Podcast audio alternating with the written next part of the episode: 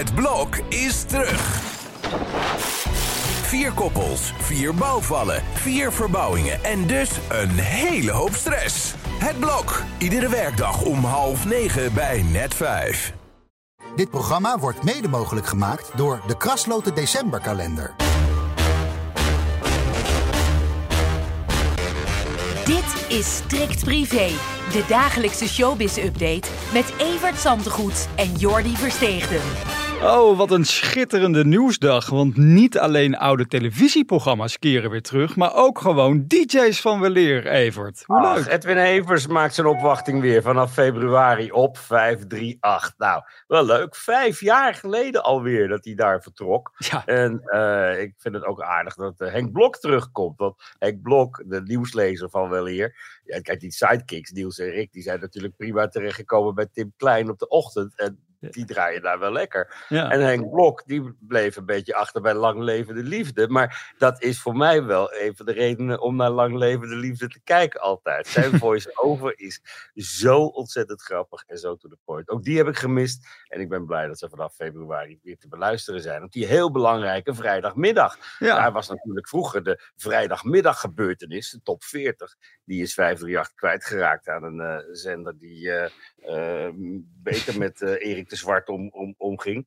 En ehm, ja, dat een persoonlijke voorkeuren geloof ik. Oh. En, eh, dus er is 538 wel wat aan gelegen om daar net als vroeger wat flinks tegenover te zetten. ja. En dat was evens op een, op een vrij bijzonder tijdstip, vind ik. Maar om het weekend in te luiden, leuk, eh, leuk moment van de week. Ja, het komt ook goed uit voor 538. Hè. Eerlijk is eerlijk, met de luistercijfers gaat het daar niet super lekker. Dus nu ze Edwin weer binnenboord hebben, kan dat allemaal weer gaan opleveren. Zie je hem ook weer gaan invallen dan voor Tim Klein in de ochtendshow? Of, of gaat dat niet gebeuren? Jeetje, laten we eens eens kijken hoe dit gaat, zou Evers denk ik zelf zeggen als het hem gevraagd werd. Maar Ja. ja, ja ik weet het niet. Nee, ja. Nou, hm, hmm. zou kunnen. Nu weet ik dat eh, Edwin zichzelf een beetje opnieuw wil gaan uitvinden op die vrijdagmiddag. Maar Dan één moet, hij ding. niet gaan, dan moet hij niet gaan eh, vervangen op de, op de vroege ochtend. Nee. Maar gaat hij, eh, gaat hij jou meenemen op vrijdagmiddag? Want jij had dan natuurlijk je fantastische showbiz-rubriek. Zou je ja, dat willen? Tien jaar lang. Maar ik heb jou al elke dag natuurlijk. Nou, ook nou. niet- Wij zijn ook niet stil blijven zitten. Dus nou, nee, ik denk dat de nieuwtjes op een gegeven moment ook op zijn. Nou. Hoewel, vandaag niet. Nou, absoluut niet. Want laten we meteen even naar eh, de uitspraak gaan. In de zaak die Peter Gillis had uit, eh, aangespannen tegen zijn ex Nicole. Ja, eh, lees jij maar even voor. Wat is daar nou de uitslag van? Nou ja, wat een Salomons oordeel. Peter mag het boek niet van tevoren inzien. Dus hij moet echt naar de boekhandel om te lezen wat Nicole allemaal te vertellen heeft. Maar zij mag het niet hebben over de pogingen tot, of de, de mishandeling en het huiselijk geweld waar ze aangifte van gedaan heeft. Dus die Hmm. rechter die heeft gedacht van nou van allebei een beetje en allebei krijgen ze wat. En zoek het verder maar uit, proef je er een beetje uit. Maar ja, dat, dat gaan ze ook wel doen, want de advocaat van Nicole die eh, kondigt al aan dat, eh, dat, dat hij het hier niet bij laat zitten. Dat er ook nog een bodemprocedure komt, Hmm. maar of er ook nog een boek komt. Dat is eigenlijk de grote vraag. En daar heb ik hele grote twijfels over. Hier op deze plek al eerder geuit. Volgens mij is er nog helemaal geen boek. En eh, er komt er ook geen boek. Want ja, Hmm. joh, wie is daar? Wie, wie koopt dat? Het is echt, het is prima om een keer je verhaal te doen, lijkt me, ergens. Zeker als je heel veel zou zijn overkomen. Maar een boek is toch nog echt wat anders. En eh, ik zie dat, nou, ik, ik zie het niet gebeuren. Hmm, nou, ik heb net Peter Gillis aan de lijn gehad. Hij zag het wel als een soort van overwinning, eh, deze uitspraak. En vanmiddag om vijf uur komt er een, een koning... Persco- Nou, persconferentie. ja, echt waar. Dus ik ben ontzettend benieuwd wat hij daar dan nog allemaal gaat eh, vertellen. Daarover morgen meer natuurlijk in deze podcast. Het is vandaag ook een bijzondere dag voor Gordon. Want vanavond om 12 uur, dan loopt zijn contract af.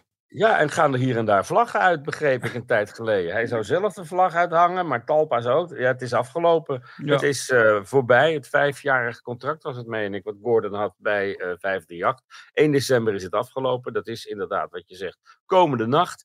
en wat hij gaat doen, dat is allemaal onduidelijk. Hij zegt dat hij eventueel zelf tv-programma's gaat ontwikkelen. Hm. Maar wie die dan moet gaan uitzenden, dat is niet helemaal duidelijk. Ik kwam laatst een manager tegen, Gordon zelf al een tijdje niet gesproken. Hmm. En eh, die manager manager die zei, nou, er staan wel wat leuke dingen te gebeuren, maar dan weet je al wat er achteraan komt. Maar daar kan ik nu nog niks over Ja. zeggen. Dus, eh, nou. Ja, Aan de ja. andere kant, hij heeft ook nog steeds zijn, zijn, zijn restaurants hier natuurlijk. Hij is afwisselend nog steeds in Dubai en Amsterdam. Maar toevallig fietste er gisteravond iemand die ik ken langs de Burger Room Mhm. in, eh, daar bij die musea. En eh, die was dicht. Dus ik, ik weet niet hoe het allemaal gaat met de Oeh. zakelijke avonturen van eh, Gordon. Maar geen contract bij Talpa meer. En een dichte Burger Room is op zich geen goed, goed teken. De zaakjes gaan ook niet zo lekker bij Roy eh, Donders, geloof ik, hè? Hoor ik allemaal in het nieuws. Ah, maar wat denkt die jongen nou? Die, die liep zich vroeger druk te maken over worstenbroodjes, toen over huispakken. En nou heeft, staat hij met een witte jas in zijn eigen kliniek eh dokter Bernard eh, en dokter Bibber uit te hangen ongeveer. Als, als, als die man toch de deur open doet in zijn witte jas en die zegt, komt u maar verder. Dan, dan, dan hol je toch weg, zou je zeggen. Ja. Maar nou, hij, hij had een, een manier gevonden om een nieuwe handel eh, aan te trekken. En van tanden bleken tot, tot wallen weghalen, tot rimpels eh, verwijderen met botox. Alles dacht hij te kunnen. Alleen hij ging eraan voorbij dat je dat niet zomaar mag zonder diploma. Hij heeft wel een, een op, korte opleiding gehad, Mhm. maar geen officiële BIG-registratie. En die krijg je als je een afgeronde medische opleiding hebt. Oh. En eh, als je die zelf niet hebt, dan moet je iemand inhuren die die heeft. En die moet ook bij je zijn in de buurt. Want iemand kan wel heel fout reageren op zo'n injectie en een allergie hebben of zo. Nou, dan weet Roy, Royke toch niet wat hij moet doen, jongen. Ik geloof dat hij zelf bij zichzelf ook wel een paar spuiten heeft gezet als ik zo naar zijn foto kijk. Nog heel even, zijn website is nu offline. Betekent dat dat hij nooit meer terugkeert? Of is hij achter de schermen met allerlei dingen bezig, toch weer artsen aan nou, het dat aannemen? gaat hij vanmiddag te vertellen op zijn eigen YouTube. Nog een persconferentie? Nou, Ja, want hij vertrouwt de media niet meer. Die maken er maar een verhaal van. Nou, godzijdank ja. dat Omroep Brabant het groot heeft opgepakt. Want anders waren die praktijken van dokter Bibber nog een hele tijd doorgegaan. Wat ook echt een eh, heel ding aan het worden is, of eigenlijk al is, is die consternatie over het boek The Endgame. Hoe volg jij dat allemaal? Eh, op de voet. Ja, Oh ja, nou ja, het is, het is wel erg grappig dat dat in, uitgerekend in de Nederlandse versie de naam van Charles genoemd wordt als de Royal Racist. ja. Eh, dus er zijn mensen die zeggen dat is een, een, een PR-campagne om uit te proberen of ze erop reageren. En dan zou het niet toevallig in Nederland zijn, want dat is een van de kleinste oplagers natuurlijk. hè. De- als je de Duitse oplagen uit de, grond, uit de handel moet halen, dan is dat meteen zijn dat andere omzetten. ja. Maar ik, ik begrijp niet helemaal hoe dit nou fout heeft kunnen gaan. Als, als die schrijver zegt, ik heb geen naam genoemd. Nou, dan, en in de Nederlandse staat hij wel, dan moet hij dus toegevoegd zijn. Ja. Of het is een oude versie die vertaald is. Daar ga ik eigenlijk vanuit. En Dat er later een, een advocaat in Amerika gezegd heeft, nou, noem die koning nou maar niet. Mhm. Maar ja, in ieder geval, ze krijgen het wel voor elkaar het boek alsnog in de winkel te krijgen volgende week. Hm. Ja, dan is de jus er alweer een beetje vanaf. En dan zijn we misschien alweer weer vijf boeken verder over het gaat maar door. maar door. Ja, precies. Staat er nog iets anders onthullends in? Want nu gaat het alleen maar over die twee namen. Maar eh, ik bedoel, eh, niemand heeft het verder over de rest wat er in dat boekje staat. Nee, maar het is, het is, het is meer van hetzelfde. En, en het, eh, dat, dat William eh, zit te hopen dat zijn vader heel snel eh, troonsafstand doet. Nou, Hm. dat gaat niet gebeuren. Maar eh, William schijnt steeds het beeld te scheppen. Ik heb hem daar niet op kunnen betrappen trouwens. Dat Charles een soort tussenpaus is. Nou, dan moet ik hem even helpen herinneren aan het feit dat hij de dag na de dood van Elisabeth in de speech gezegd heeft dat hij net als zijn moeder tot het einde der tijden, eh, van zijn tijden, koning zal blijven. Dus ik- heb ook helemaal niet het idee dat William met die jonge kinderen nu al heel graag koning wil worden. Maar Hmm. nee. Nou ja.